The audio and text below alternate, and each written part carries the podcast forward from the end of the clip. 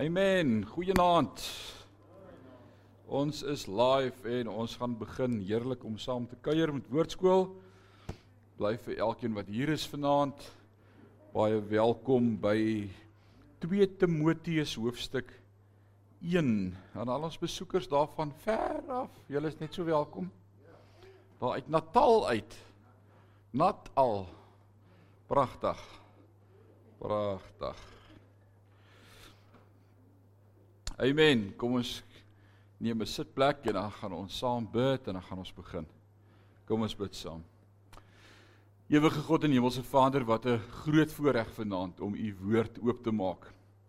Dankie vir vryheid van spraak en vryheid van godsdiens en vryheid in ons verhouding met u en dat ons vanaand so bevoorreg is om nog in ons land u woord te kan oopmaak en vanaand te vra Heilige Gees kom praat met ons. Breek God se woord vir ons oop dat ons vanaand ook hierdie teks sal verstaan, iets in ons eie lewe sal sien en dat die Heilige Gees vanaand te werk in ons sal begin ook om ons harte te verander. Ons eer U daarvoor. Word verheerlik in Jesus naam en sê ons sê amen en amen. Loof die Here. 2 Timoteus hoofstuk 1. 2 Timoteus is amptelik die laaste brief deur Paulus geskryf in sy lewe. Dit was sy laaste. So dis die agtergrond en die konteks van hierdie brief vanaand waarna ons gaan kyk. Ons is nou net klaar met 1 Timoteus en hy's besig om vir sy protégé Timoteus, sy geestelike seun, sy opvolger ook as te ware paar goed te skryf en nou skryf hy sy laaste brief vir sy geestelike seun. Somme net op daardie punt besef ek die belangrikheid daarvan om met jou geestelike familie geestelike goed te gesels. Hy het nie gou sy testament hersien nie, hy het nie gou sy prokureur gaan sien nie, hy het nie gou die bankbestuurder gaan sien, sy laaste brief wat hy skryf uit die tronk uit, ons gaan vanaand sien, skryf hy vir sy geestelike seun want ek en jy weet dat daar net sekere goed is wat ons met ons kan saamvat in die ewigheid in. Ons is mos nou al seker wat ons kan saamvat en wat nie. Jou kus het nie 'n ventersleep waar hak aan nie. Jy kan niks saamvat nie. Wat kan jy saamvat? Siele, ouens wat jy na die Here toe gelei het, dis ook eendag krones vir jou in die hemel. Ek kan seker maak my kinders gaan daar wees. Hoe weet ek dit? Ek deel die evangelie met hulle. Ek het seker gemaak hulle het hart en lewe gegee vir Christus. Ek vat hulle met my saam. Al kom hulle na my daaraan, hulle gaan kom. Hulle moet net bly by wat ek hulle geleer het. Dan gaan hulle oukei okay wees. Ouens met wie ek die evangelie gedeel het, wat kan ek nog met my saamvat? Jesus leer ons in Matteus 5, 6 en 7 die bergpredikasie, leer hy ons dan sê hy, daar waar jou skat is, gaan jou hart wees. So daarom is dit belangrik hy, hy weet waar wil hy ons hart hê, maar hy sê vir ons die geheim om jou hart te kry waar hy moet wees, is sit jou skat waar jy jou hart wil hê. As jy jou skat gaan sit waar jy jou hart wil hê, gaan jou hart van self jou skat volg. Hmm. Party van ons ry met ons skatte, party sit langs ons skatte. Dis great. Maar jou skat moet in die hemel wees. Hy sê moenie vir julle hier op aarde skatte bymekaar maak wat deur mot en roes verniel word nie, want waar jou skat is, gaan jou hart wees. Maak vir julle skatte bymekaar in die hemel. Jesus se woorde, so dis moontlik om dit te doen. So die vraag is, hoe maak ek 'n skat bymekaar in die hemel? Jesus sê, wat ook al julle nou gee vir die koninkryk opoffer selfs verhoudings sal julle honderdvoudig terug ontvang. Ek saai dit in die koninkryk in. So ek kan finansies met my saamvat nie agter die kus nê maar vooruit. En ek gaan eendag loon ontvang vir dit wat ek gedeel het in God se koninkryk. Dis 'n awesome beginsel. Siele ouens waarvoor ek bid My gebede vat ek met my saam. Openbaring 4 en 5 leer my van die koperpanne waarin al die gebede van die heiliges opgevang word. Kan jy dit onthou? Toe ons Openbaring gedoen het. Jy vat al jou gebede met jou saam. Eh, hoe terrible gaan dit eendag wees as ons daar bo kom en ons kyk so 'n bietjie in die panne rond en hulle sê: "Jesus pastoor, maar jou pan is maar lekker leeg." Nee, dis die refill. Hulle ek het nou net begin met hierdie pan. Nee, alles word opgevang. Alraai, so dis great. So Paulus spandeer sy laaste brief om te skryf vir Timmy, vir Timoteus. Uh kort na hierdie brief word hy onthoof deur keiser Nero. Dis die dood wat Paulus gaan sterf. Onthoof. Galg. So nou skryf hy vir Timoteus vanuit die tronk in Rome. Nou net in gedagte as ons praat oor Paulus se gevangenskap of sy tyd in die tronk en is nogal bietjie verwarrend want ek en jy moet altyd onthou Paulus was 2 keer in die gevangenis. Alraai. Die eerste keer en ons lees daarvan aan die einde van die eerste brief aan aan aan aan Handelinge uh was gewees en ons leer aan die einde van Handelinge daarvan dat hierdie klomp Jode in Jerusalem met hom fight opgetel het oor hy nou vir die nie-Jode ook die evangelie wil deel. En toe het hulle hom nou aangekla en hulle wou hom vervolg en toe is hy met die skip Rome toe kan julle onthou? En die skip het daar by Malta Malta rond het die skip skipbreek gelei en toe sê hy moenie worry nie ons swem vir die eiland en almal wat saam met my sal behoue bly. My geloof sal hulle red. En dan sal hulle op einde van die dag kom hulle in Rome aan en dan sy onder huisarrest. Eerste keer in die Bybel wat ons lees van huisarrest. Dis 'n beginsel so oud soos wat die Romeinse heerskappy was in Jerusalem 2000 jaar gelede al. Onder huisarrest, daar was 'n soldaat te alle tye wat Paulus moes oppas, maar mense kon kom en gaan by hom soos wat hulle wil. En van daardie af het hy ook geskryf en die evangelie verkondig. Dit was great. Maar dan laat laat hulle hom op 'n stadium los. Hulle sê vir hom, weet jy wat, nou, jy is nou al 2 jaar verhoor afwagtend. Gaan net asseblief. Hulle het moeg geraak vir hom. Gaan net en dan gaan hy weer op 'n volgende sendingreis en dan lyk dit vir my was hy op na die noorde toe, Spanje se area en dan kom hy wragties weer terug Rome toe. En hierdie keer laat vang keiser Nero hom en die keer gooi hy hom in 'n dungeon. Hy gooi hom in 'n donker put in die tronk wat nat was en koud was. En hoe weet ek dit? Want aan die einde van hierdie boek skryf hy in sy brief aan Timoteus en hy sê please send my cloak. Stuur net vir my 'n jas of iets. Dis koud en nat hier binne in hierdie sel. So ons leer so iets van sy omstandighede hierdie keer in die sel en dit wat hy hier beleef het. So hoekom gooi hulle hom in 'n sel? Hoekom nie net via huisarrest nie? Hoekom het hulle hom weer gevange geneem? Nou kom ons probeer eers die legkaartstukkies bou en dis nogal belangrik as ons na die teks kyk om die woord reg te verstaan om hierdie legkaartstukkies in plek te sit. Uh ek het nou vir julle foto's saamgebring maar die bord is af.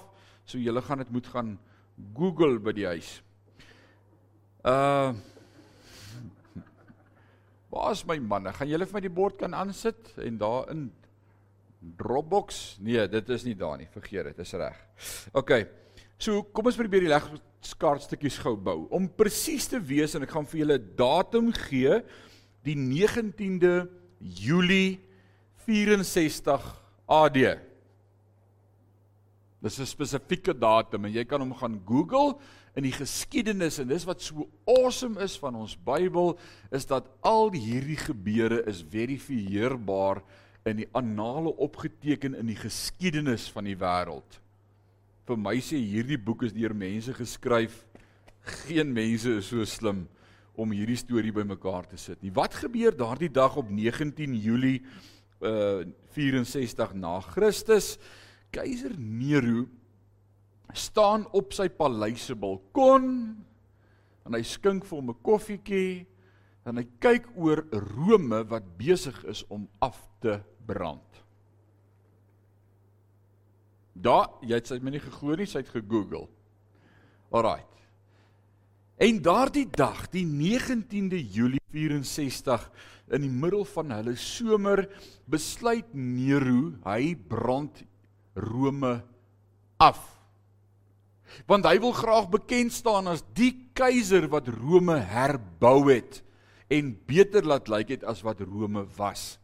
En in daardie stadium was baie van die geboue en die behuising van die volk en en die Romeine was van hout uh van van hout uh wat is die woord konstruksie gebou en 75% van Rome brand af in 5 dae. Die 19de, 20ste, 21ste, 22ste en 23ste. Jy kan dit gaan opsoek en jy gaan dit geskiedkundig kan verifieer. Daai 5 dae brand 75% van Rome af.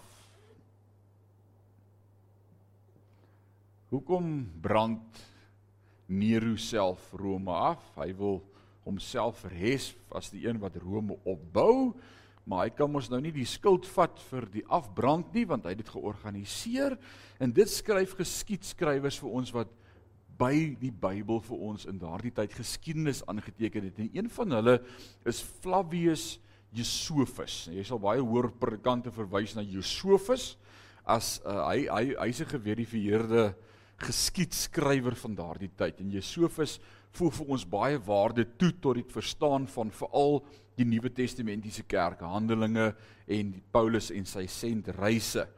En Flavius Josephus sê vir ons dat Nero beskuldig toe die Christendom in Rome vir hierdie agterbaksheid en hierdie ding om die stad af te brand. Dit was die Christene.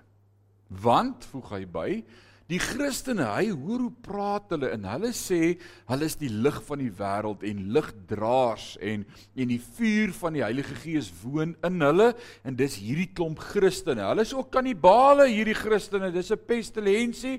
Ons moet vir hulle oppas want hulle eet vleis en drink bloed. Hy het al gehoor hoe praat hulle van die liggame wat hulle eet. Verwysend na die nagmaal kannibale. Nie net is kannibale nie, hulle is pervers. Want hulle praat die hele tyd oor liefde en ons weet eintlik wat daai liefde beteken. So hy hy uh uiter toe 'n bevel dat Christene gevange geneem word in wragties. Hier kry hy weer vir Paulus gevang as leier van die Christelike kerk en hy gooi hom onder in die dungeon. Iewerster na daardie insident. Lyk dit vir my en die geskiedskrywers is dit ook eens dat Paulus 'n gesprek gehad het met Nero. Iewers het Paulus met Nero gepraat en kon praat. En dan na hierdie gesprek gebeur 'n interessante ding. Nero raak totaal en al van sy trollie af. Totaal en al dan gebeur daar goed. Dis wanneer hy poedelnakend op sy perdekarretjie in sy paleis se tuine op en af paradeer, op en af jaag in die nag in sy tuine en Christene wat gevange geneem is in hulle duisende sê Flavius Josephus, het hy in potte kookolie en kers was gedoop, doodgemaak as fakkels in sy tuin aan die brand gesteek en dan het hy die nag op sy perdekar deur hierdie fakkels deur gejaag terwyl hy vir hulle skree brand julle Christene brand. Julle is mos die lig van die wêreld. Van sy trollie af. So dis die vervolging wat die Christelike kerk beleef het in hierdie tyd. So in hierdie agtergrond nou in hierdie skets lees ons nou hierdie teks wat Paulus in die gevangenis opgesluit koud en nat skryf hy vir sy geestelike seun. Nou skryf hy vir hom in vers 1. Hierdie brief ons gebruik hier die nuwe lewende vertaling. Dit sê dit net in die Afrikaans baie makliker, sê presies dieselfde as jou Bybel net makliker gestel jy kan in enige vertaling saam volg. Hierdie brief kom van Paulus. En dan soos wat hy in al sy briewe doen, sê hy wie hy is. Wie was Paulus? Wat het hy in sy hart geglo? Wat was sy bediening? Wat sê sy stempel? Wat is die amp wat hy gedra het? En dan sê hy 'n apostel van Christus Jesus deur die wil van God. Uitgestuur om ander te gaan vertel van die lewe wat hy beloof het deur geloof in Christus Jesus.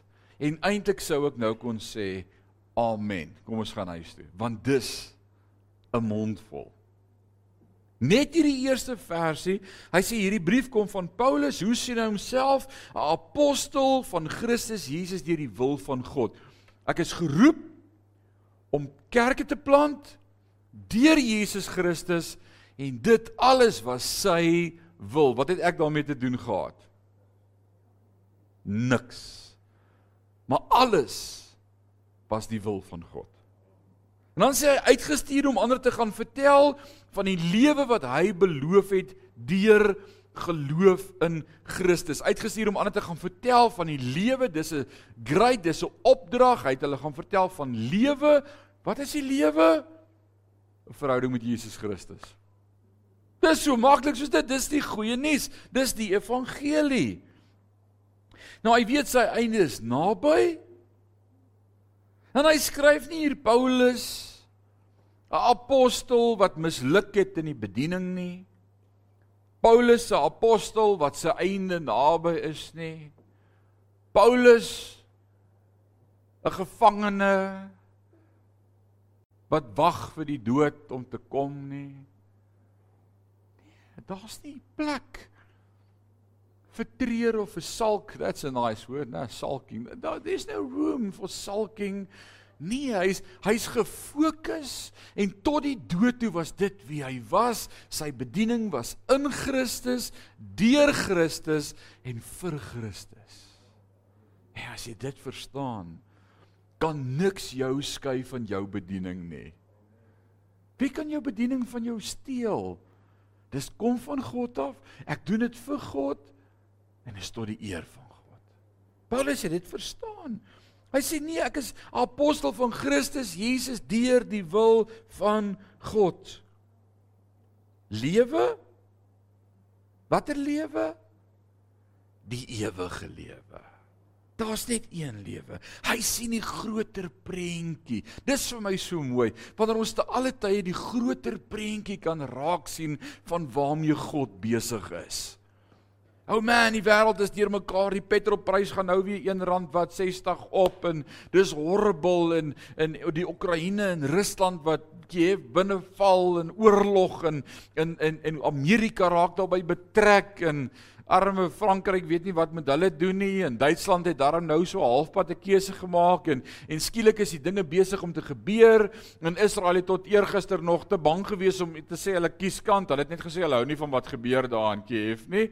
Hulle is te bang om Rusland te opponeer want die oomblik as Putin agterkom, jy sê iets teen hom, dan sê hy vyand en ons weet die boek Openbaring leer ons dat God Rusland, Rosh, dis hoe die Openbaring van hom skryf, met 'n eysterkaak eysterhak sal hak aan sy kaak en afsleep tot by Israel om te kom oorlog maak teen God se volk. En ons het gewonder, hoe gaan dit gebeur?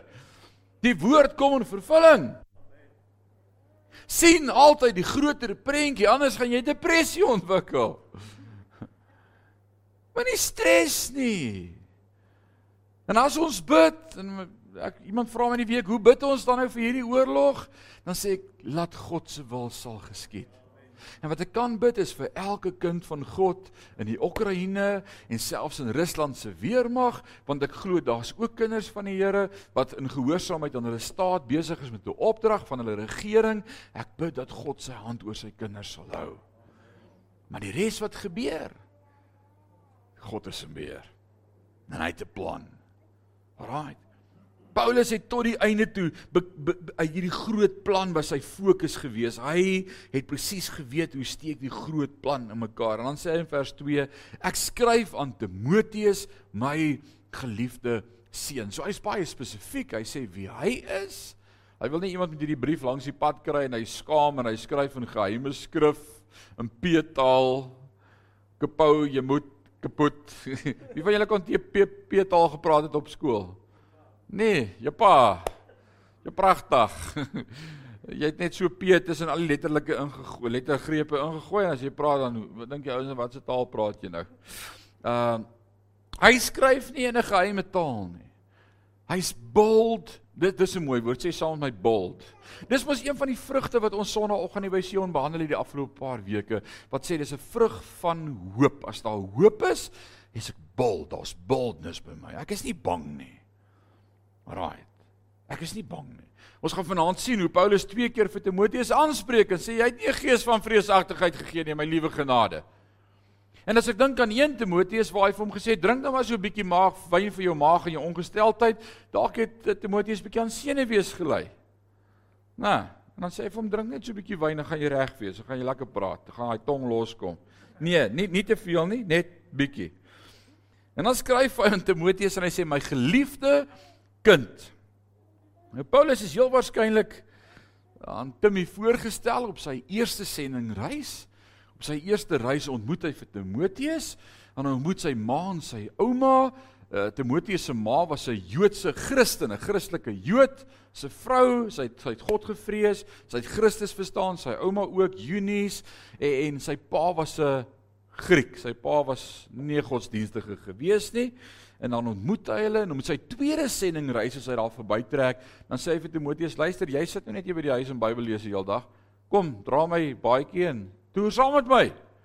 Dat ons 'n bietjie die bediening vat. Kom sien wat beleef ek en kom kom bid saam met my fisikus en dan groei Timoteus in die bediening totdat hy naderhand vir hom sê luister hier's 'n gemeente ek wil hê jy moet agterbly en hulle leer ek gaan vir jou skryf en dan skryf hy vir hom uit die tronk uit en hy gee hom lering wat moet hy doen. So dis hoe Timoteus gegroei het en dan sê hy vir hom mag God ons Vader en Christus Jesus ons Here aan jou genade, ontferming en vrede gee. Toe gewoonlik het Paulus al sy briewe met hierdie twee woorde gegroet: genade en vrede. Charis, charisma, is die Griekse woordjie charis en vrede die Hebreëse woord wat sê shalom. Pragtig. So hy sou die die die die sy groet altyd gehad het in Grieks en in Hebreëus om vir hom te sê ek is 'n Hebreër, ek is 'n Jood, maar ek is hier vir die heidene. Hulle verstaan Garis. Garis is ook vir die heidene. Dis nie vir die Jood nie, né? Hulle het klaar God gehad. Hulle was onder die wet, maar vir julle is daar Garis. So hy het altyd so geskroek Garis en Shalom. Maar nou sê hy hier's iets wat moet bykom as ons werk met jong mense. My nuwe lewende vertaling sê ontferming. Die Engelse vertaling sê mercy. Ek wil sê as jy tieners in die huis het, sal jy verstaan van mercy. Nou, jy het, jy het ontferming nodig om met tieners te werk. So wanneer Paulus dan nou hierdie brief skryf en hy groet vir Timoteus, dan sê hy vir hom vir jou is daar genade, charis, ontferming, mercy en shalom vrede. En Timoteus ek dank God vir jou. En nou begin hy persoonlik met Timoteus praat. En is dit nie fantasties om te dink 2000 jaar later kan ons daai brief lees en daaruit leer, né? It is amazing. So wat skryf Paulus dan nou in hierdie brief vir Timoteus? Hy sê Timoteus, ek dank God vir jou. Hy is die God wat ek met 'n skoon gewete dien. Net soos my voorouers gedoen het. Ek onthou jou voortdurend dag en nag in my gebede. Jesus, dis mooi. Temmie ek bid vir jou. Ek bid dag en nag vir jou. Dit wat vir my 'n uh, indikasie is dat Paulus nie lekker geslaap het in daai grot nie. Dit was te koud en te nat. So hy sê as ons wakker is, dan bid ons. Maar dit laat my nou dink aan daardie verhaal van Petrus, né?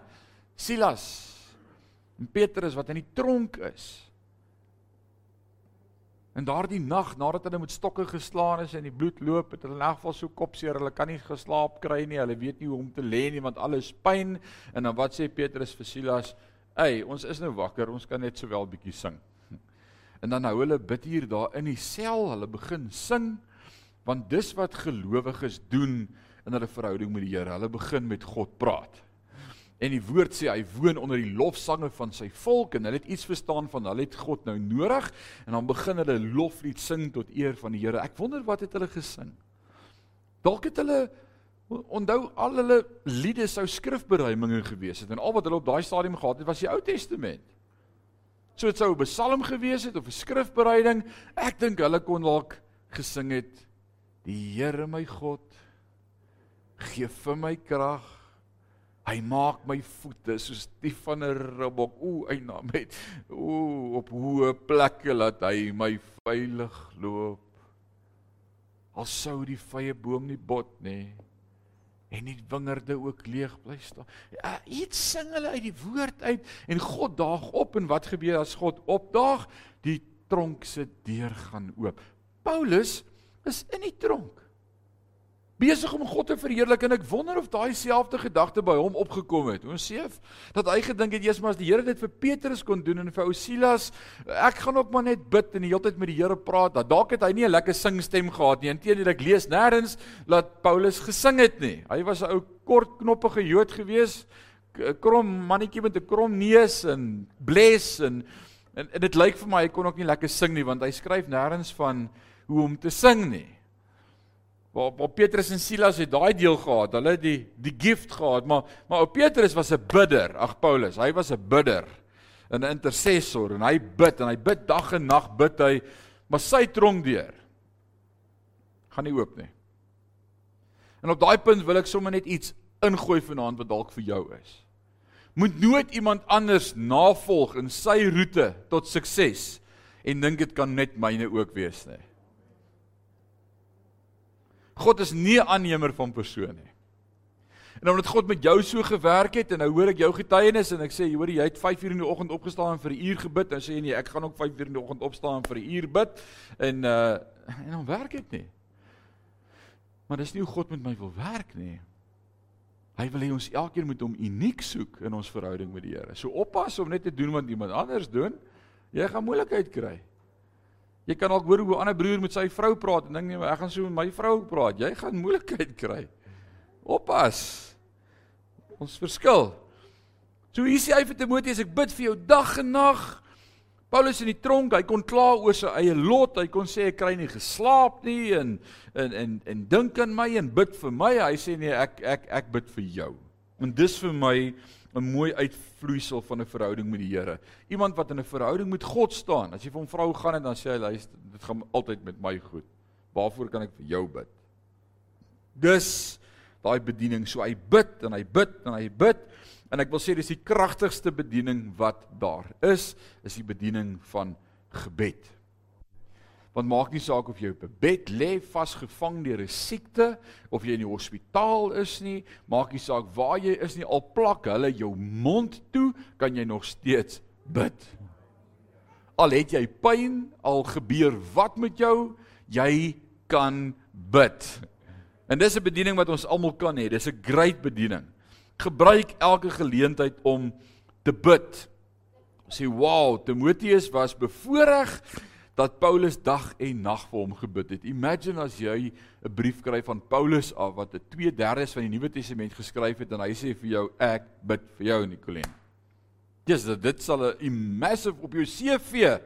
Imagine dit as jy aansoek doen vir 'n job, as jy nou weer 'n beroep vat. Imagine toe Timoteus sy volgende beroep kry na 'n gemeente en hy kon in sy CV skryf, Paulus het vir my gebid dag en nag. Jy sal ons soek hierdie pastoor, hè? Paulus, Paulus, wil vanaand vir jou iets sê. Die Hebreërskrywer leer vir my en vir jou en dan sê hy ons het 'n voorspraak by die Vader. Jesus Christus, die seun van God. En hy doen vir ons dag en nag voorspraak by die Vader. Hy slymer of slaap nie eers nie. Paulus kon nog in dit en dan die slaap praat. Jesus is altyd wakker. En hy bid vir my en vir jou. Jy kan dit op jou CV skryf. I am chosen by God, loved by God and Jesus is my personal intercessor. That is amazing. Hy bid vir jou en hy bid vir my. Dis awesome. Vers 4 sê ek verlang om jou weer te sien want ek onthou jou trane toe jy uit toe ons uitmekaar is. En Ek sal vol vreugde wees as ons weer by mekaar is. Nou hier's 'n interessante ding wat hy sê en ons moet soms so 'n bietjie tussen die lyne lees en 'n paar goed bymekaar kry om die prentjie in plek te laat val. Nou onthou ons broer Timoteus. Hy was 'n interessante karakter gewees. Een van min na wie Paulus verwys het as 'n man van God, 1 Timoteus. Het hy hom genoem 'n man of God, né? En dis nie 'n titel wat sommer vrylik uitgedeel is in die Bybelse tyd nie. Maar maar Timoteus was 'n man van God. Nou ek sou wil weet hoe lyk 'n man van God? Nou hier kom die raaisel. Hy was effens sieklik geweest. Hy was maar 'n bietjie broos. Sy maag het vinnig op 'n knop getrek en hy het gesukkel met 'n spastiese dikdarm of 'n ding of pyn op die maag, want Paulus sê vir hom drink nou maar 'n bietjie wyn, dit gaan vir jou help vir jou oulikheid. Alraai, so dit weet ons. Hy was bietjie senuweeagtig geweest. Hy was jonk. Hy was effe teruggetrokke en skaam. Hy het effe gelei aan vrees. Met ander woorde, mense het hom baie maklik ge, gedomeineer of geoorweldig en dan hy gevoel soos o, wie's ek? Alraai. Ek het nou vergeet om my wyn te drink vanmôre. Ek bedoel my medisyne. Ja, hy hy het effens gesukkel. Maar in Paulus se hart 'n man van God. En dan vind ons dat die laaste ding uit wat Paulus skryf, dit lyk vir my hy was bietjie huilerig. Dis 'n resep vir 'n ideale pastoor vir 'n gemeente, né? As ons nou 'n beroepsvergadering sou hou en 'n jeugpastoor besoek en ek sien hierdie kriteria, dan gaan ek sê nee, wat? Hierdie ou hy uh, hy gaan nie die leeu's kan aanvat nie. Maar maar Paulus het iets in hom gesien. Ek wil nou nie te veel sleg praat van Timoteus nie, net kom ek eendag daarbo en dis hierdie groot man. Dan gaan ons moeilikheid kry. So uh, ek sê net wat ek sien in die Bybel. Nie die tipe wat ek sou kies om my te volg nie. Maar dit blyk dat Paulus sy hart raak gesien het en dis die belangrikste kriteria wanneer ons na mense kyk, want dis wat God sien. En dit het my net weer geleer. Hey, ons takseer iemand op sy baadjie sê die spreekwoord. Nou, moenie iemand op sy baadjie takseer nie. Moenie Moenie besluit, "Jog, daai is nou 'n rots van 'n man, daai jong man" en dan is dit die ou wat jou drop na die tyd. Dis baie keer die stil klein ouetjie wat bietjie sukkel met sy maag en bietjie stres is en agter in die naalskou en uh maklik huil. Imagine, hy's 'n groot man en Paulus sê vir hom, "Hoorie, ek gaan jou later sien" en hy begin huil. Hy's hartseer daaroor, maar hy het 'n hart gehad vir God. En ek dink ons moet leer om mense te sien in hulle hart vir wie God sien en nie na die uiterlike te kyk nie. Ons sukkel in ons dag nogal. As ons werksonderhoude het of of iemand wil in diens neem of gesprek het met iemand of sommer net iemand ontmoet vir die eerste keer, is ons mos vinnig om gevolgtrekkings te maak en sê o, oh, daai ou, ek weet nie. Wat sien God? God sien die hart. Ek dink aan Dawid, né? Jesse's son one by one stood before the prophet. En dan kyk hy na sy sterk seuns en en hy kom en hy wys al sy seuns vir die profeet en as die profeet na almal gekyk het dan sê hy jy het nou al die sterkes en mooies en grootes en great vir my gewys, maar nie een van hulle word geroep as koning nie. Daar is daar nie dalk nog 'n kind nie. Nog 'n kind. O ja, ou Dawid pas skape op. Wat kan nie Dawid wees nie? Dawid is die kleintjie en die rooi kop en die Hy sy kop is in die wolke. Hy sing liedjies vir die Jesus daar agter die skaapba. Dit kan nie Dawid wees nie. Dan sê hy maar bring hom. En as Dawid instap dan sê hy, "Wow, God het hierdie ou geroep om 'n koning te wees." God sien die hart. When others see a shepherd boy, God may see a king. Alright. Great. Net so met Timoteus. En dan skryf hy in vers terug. Hy sê ek dink terug aan jou opregte geloof ware opregte standvaste geloof. Nou geloof Hebreërs 11:1 sê vir my wat is geloof? Geloof is dan 'n vaste vertroue op die dinge wat ons hoop, 'n bewys van die dinge wat ons nie sien nie. Dis 'n vaste vertroue op dit wat ek weet ek voor hoop. En hierin sê ons sê ons vir 6 weke al vir mekaar, wat is daardie hoop? Jesus Christus. En daarom kan ek nie die woord hoop so ligtelik gebruik soos ag ek hoop die foon kom nou weer môre aan as hy gecharge is of ag ek hoop die kind word gesond of ag ek hoop ek kry die job nie. Nee. woord hoop het ewigheidswaarde, gekoppel aan 'n ewige God. Ons het hoop. En daai hoop wankel nie en dit staan vas tot in ewigheid. So dit is gekoppel aan my geloof en Paulus sê ek drink terug aan jou opregte geloof. Eers het jou ouma Louise en jou ma Eunice hierdie geloof gehad en daarvan is ek seker jy het dit ook. En dit sê vir my dat geloof ook aangeleer kan word deur kinders. Jy kan hulle leer om geloof te groei. Jy kan nie vir jou kind hemel toe vat nie. Maar jy kan hom leer om lief te wees vir die Here. Jy kan sy geloof in God kweek sodat hy self 'n keuse maak en sê ek wil ook die Here dien. Dis beautiful. En ons dank God vir paas en maas en oupas en oumas wat lief was vir die Here en ons iets geleer het van 'n verhouding met ons Skepper.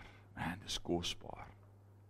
Jy iemand so in jou lewe gehad, 'n familielid in 'n vorige geslag of 2 of 3 terug wat lief was vir die Here, aan wie jy kan terugdink en sê, "Ag, oh, ek onthou. Dit is awesome." Vers 6 sê dit is waarom ek jou daaraan herinner om jou geestelike gawe wat God jou gegee het toe ek jou die hande opgelê het soos 'n vuur aan te blaas.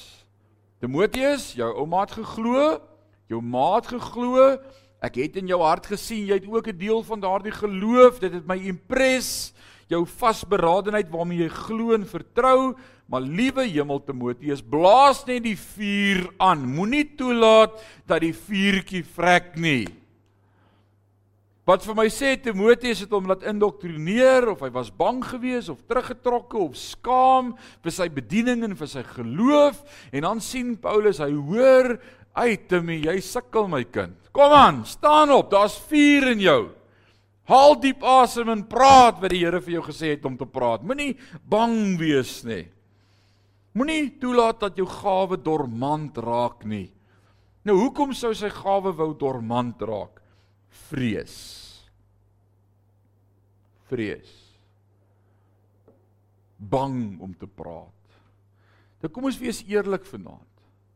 Het ons almal nie meer daai mate maar van wat sal die mense sê? As ek nou moet opstaan en iets sê, weet net nou hakkelik, net nou praat ek verkeerd, net nou maak ek my naam 'n popo. Ag, rarig.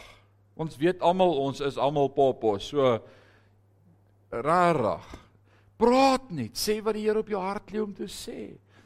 Weet jy ek dink nou die dag daaroor, ek het nog nooit in my lewe vir iemand gebid wat vir my kwaad was dat ek vir hom gebid het nie.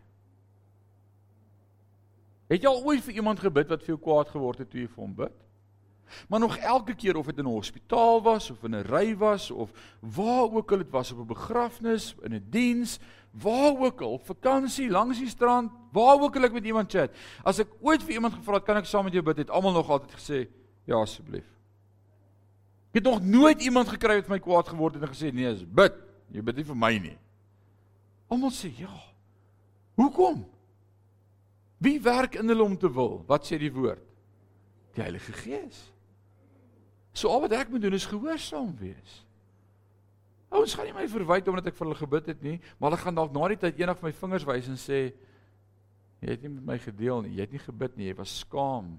Ons baie boldness en dis waaroor Paulus hier met Timoteus praat. Hy sê blaas die vuur aan, wakker die vuur aan. Maak op jou mond en praat. Sê wat die Here vir jou sê om te sê. Moenie bang wees nie. Nou hoekom sê ek Timoteus was bang geweest? Kan ek dit uit die teks uit aflei?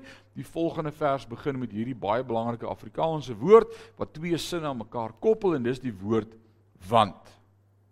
En die want hy spreek die vorige vers aan en hy sê hoekom hy so sê en kyk wat sê die teks. Want God het ons nie 'n gees van lafhartigheid gegee nie. Nou hoekom sal Paulus hierdie woord lafhartigheid gebruik as hy hierdie godsman Timoteus aanspreek as Timoteus nie effens lafhartig was nie. Hey.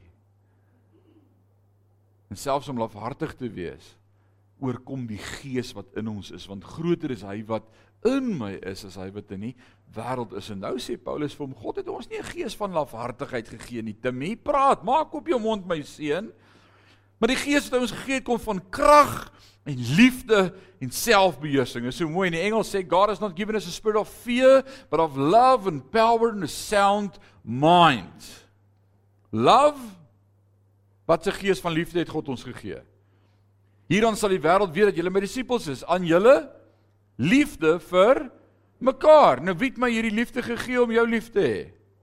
God het dit vir my gegee. Hy het die liefde in my hart gedeponeer. Inteendeel Jesus leer ons iets. Hy sê God is liefde. En hy wat God het, het lief. Daar skryf Johannes in 1 Johannes en hy sê jy wat sê het jou broer lief? Maar jy is kwaad vir hom of jy beklei met jou broer of jy vergewe hom nie, hoe kan jy sê het hom lief? En dan sê jy jy het God lief en jy het hom nie eens gesien nie sê die woord, né? So God se liefde in my, liefde, love en on power, wie se krag?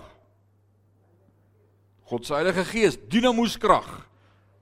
Hierdan sal die wêreld weet dan julle liefde aan julle Heilige Gees krag wat julle ontvang het. Jesus sê dit in Handelinge 1, daar met die hemelvaart. Hy sê gaan wag in Jerusalem totdat julle aangedoen word met krag uit die hoogte. Krag uit die hoogte, dinamos krag. Soos daai kragopwekkertjie wat jy op jou Wie van julle het sulke dynamos gehad op julle fietsse toe julle fiets gery het vir oor jare? Daar was nog nie Duracells nie. Jy het 'n dynamo gehad. En dan het jy vir hom so glad sak op die band en dan hy gedraai so zzz, en as hy draai dan kom hy luggie so aan soos wat jy trap. Dis dinamos krag. Dit word opgewek binne in ons.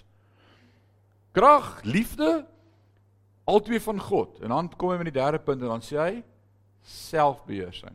Die Engels sê baie mooi. Hy sê God has given us a spirit of fear but of love, power and a sound mind. Hier's die oorlog. Nee, hier nie. Hier, the sound mind. Ja, wat gaan die mense sê? Ek gaan nou soos 'n aap lyk as ek nou hier opstaan en iets sê. Dalk moet ek eerder net stil bly. Hier's die oorlog. En Paulus sê, "Hy, God het jou nie vrees gegee nie, man. Hy het jou nie bang gemaak nie neem beheer van jou gedagtes. Romeine 12 vers 2. 1 en 2 Paulus sê dit so mooi in die gemeente in Rome. Hy sê word jy aan hierdie wêreld gelykvormig nie, maar word vernuwe deur julle gedagtes. Kry 'n ander manier van dink. Hier's die probleem. Want dis julle redelike godsdiens om julle liggame te gee as heilige en aan God welgevallige offers. Geen net jouself vir God. Dis waar die probleem lê, is hierbo. So want God het ons hierdie gees gegee nie. Vers 8 sê jy moet dus nooit skaam wees. Met ander woorde, hy was teruggetrokke. Hy's maklik gedomeineer of geïndoktrineer. Hy was hy hy was bang om te praat. Hy het 'n gees van lafhartigheid gehad amper. En nou sê hy ook moenie skaam wees nie. So hy was ook skaam. Nou hier's 'n paar karaktereienskappe wat jy dalk mee kan assosieer vandag en sê ja nee, ek val lekker in hierdie kriteria. Skaam, teruggetrokke, bang vir mense wil nie waag nie, bang ek maak 'n fout. Ey, hierdie is vir jou ook vanaand. Paulus sê, jy moet dus nooit skaam wees om van ons Here te getuig nie. En moet jy ook nie vir my skaam nie. Moenie moenie bang wees omdat ek in die tronk sit om te sê ek ken vir Paulus nie. Ek is nie skaam vir jou nie en jy's uh jonk en jy het maagpyn en jy huil maklik en jy's bang. Ek is nie skaam om te sê ek's lief vir jou nie. Uh kan leer by Paulus. Jy is nooit skaam om van die Here te getuig nie en moet ook nie skaam wees vir my nie. Al is ek ook in die tronk ter wille van Christus met die krag wat God jou gee, moet jy gereed wees om saam vir my of saam met my vir die uitdra van die goeie nuus te lei. En hier kom Paulus nou met 'n bammer. Hier kom nou wat? Imagine as jy hierdie brief lees. Hy sê net vir jou ja, heel maklik en jy skaam en jy's teruggetrokke en moenie so lafhartig wees nie en alles. Dis nog alles fyn. Maar nou kom hy by die ding. Hy sê moenie bang wees nie. Jy moet saam met my vir die evangelie lei. Imagine as jy nou hierdie brief gelees het. Kyk tot nou toe was alles fyn. Maar ek saam met jou lei. Jy sit in die tronk. Hulle gaan jou doodmaak, onthoof. Uh, Jy, wat gaan nie aan? Maar ek moet bereid wees om te lei ter wille van die evangelie. En dis nie 'n preek wat ons in ons dag preek van 'n kansel af nie. Ons sê nie vir ons ouens luister jy jy het saam met Christus geleef, jy word ook saam met hom gekruisig. Uh ons moet ly ook want wanneer ons ly En dis wat Jakobus praat in Jakobus 1 vers 2, 3 en 4 as hy sê ag dit louter vreugde my broeders as julle in allerlei versoekinge val omdat die lydsaamheid van julle geloof tot volle verwerking moet kom sodat julle volkome volmaak sonder gebrek sal wees. Daai hele gedagte daar wanneer jy ly. Wanneer jy getoets word. Wanneer jy beproef word.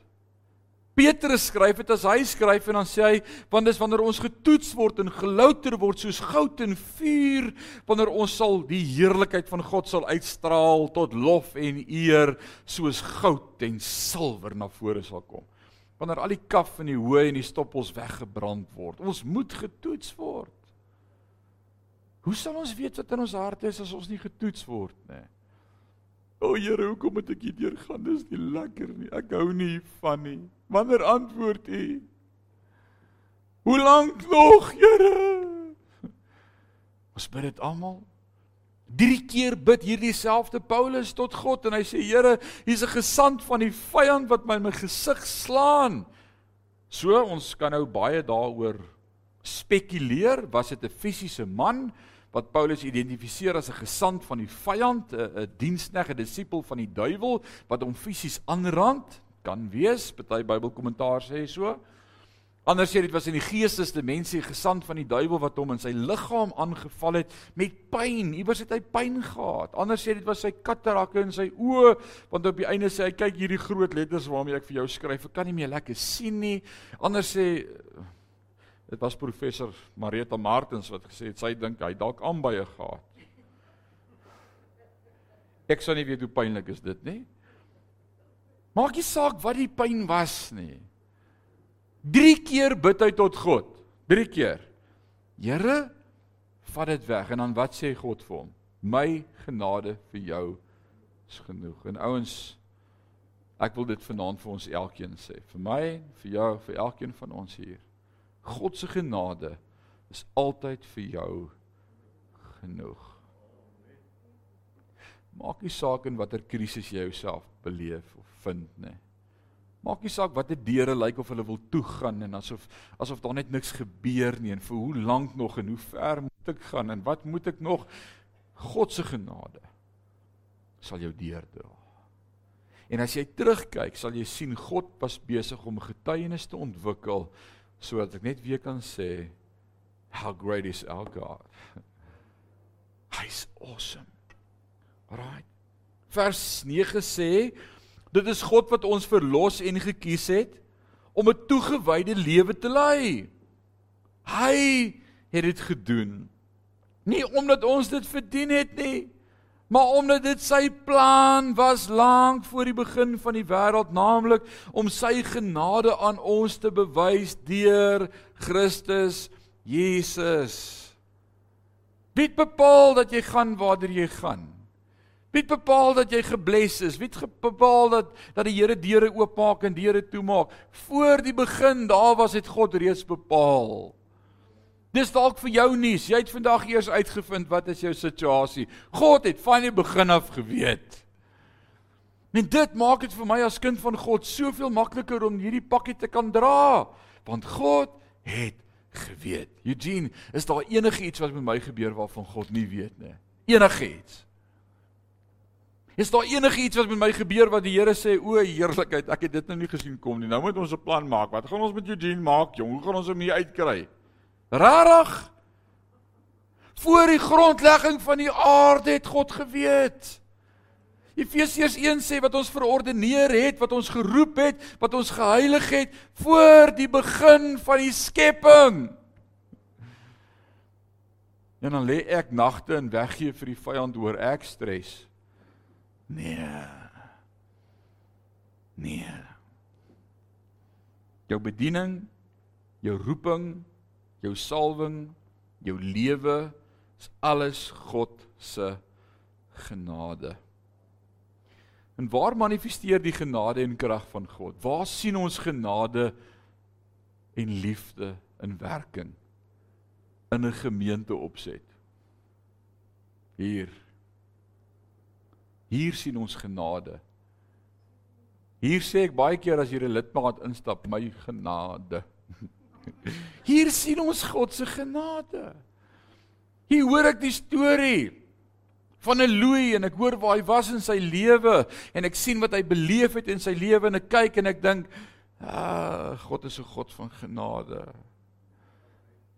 En ek hoor 'n storie van daai en wat sy vir my vertel waar sy in haar lewe was en wat sy deurgegaan het en wat sy beleef het en ek dink by myself, as dit nie God se genade geopenbaar is nie, dan weet ek nie.